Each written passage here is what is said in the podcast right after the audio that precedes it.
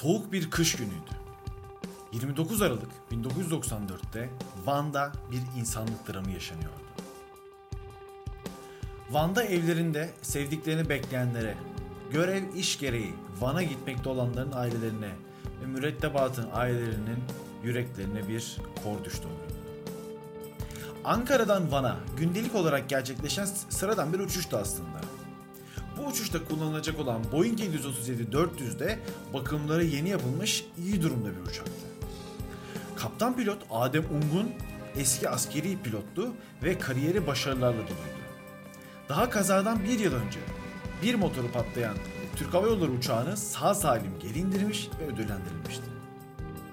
Aralık ayının sonu Van'da kalın beyaz bir örtünün olduğu bir zamandır.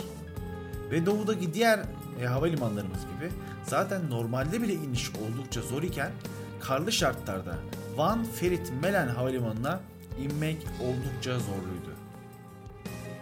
Havalimanında da aletli iniş sistemi yoktu. Buraya gelen pilotlar görerek iniş yapmak zorunda kalıyorlardı. Karlı, sisli havalarda ise buraya görerek inmek adeta ölümle dans etmek gibiydi. Van'a yaklaşma sırasında pilot ile kule bir takım anlaşmazlıklar içindeydi. Kule inişe izin vermek istemiyorken kaptan pilot inmek istiyordu. Boeing 737 iki kere iniş denemişti. Fakat pisti hiçbir şekilde görememesi nedeniyle inişten vazgeçilmiş ve tekrar havalanılmıştı. Bu esnada yardımcı, yardımcı pilot geri dönmelerini ve buraya inemeyeceklerini söyleyerek kaptan pilotu ikna etmeye çalışıyordu. Fakat kaptan pilot kararlıydı. Bugün Van'a inilmeliydi.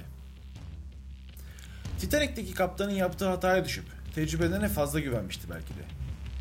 Kule Ankara'ya geri dönüş ya da çevre havalimanlarına yönlendirmek için son çağrıları yaparken kaptan pilot bir anda kararlı bir şekilde son kez inmek istedi.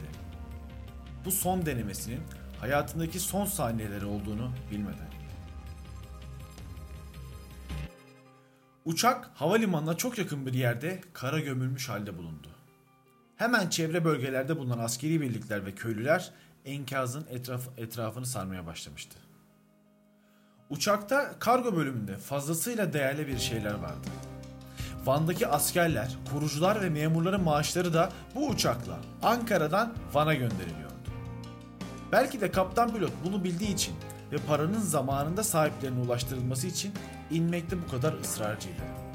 Bunu bilemiyoruz.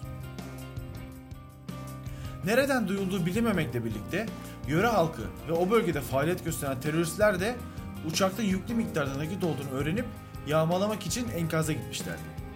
Fakat işte ya bizlere anlatılan ya da gerçekten böyle olmuş olabilir fakat askerin zamanında olay yerine varması ile paranın yağmalanması büyük oranda engellenmiş. Tam yılbaşı öncesi meydana gelen bu kazadan sonra tüm ülkede 1995 yılbaşı bir yaz haline kutlanmış.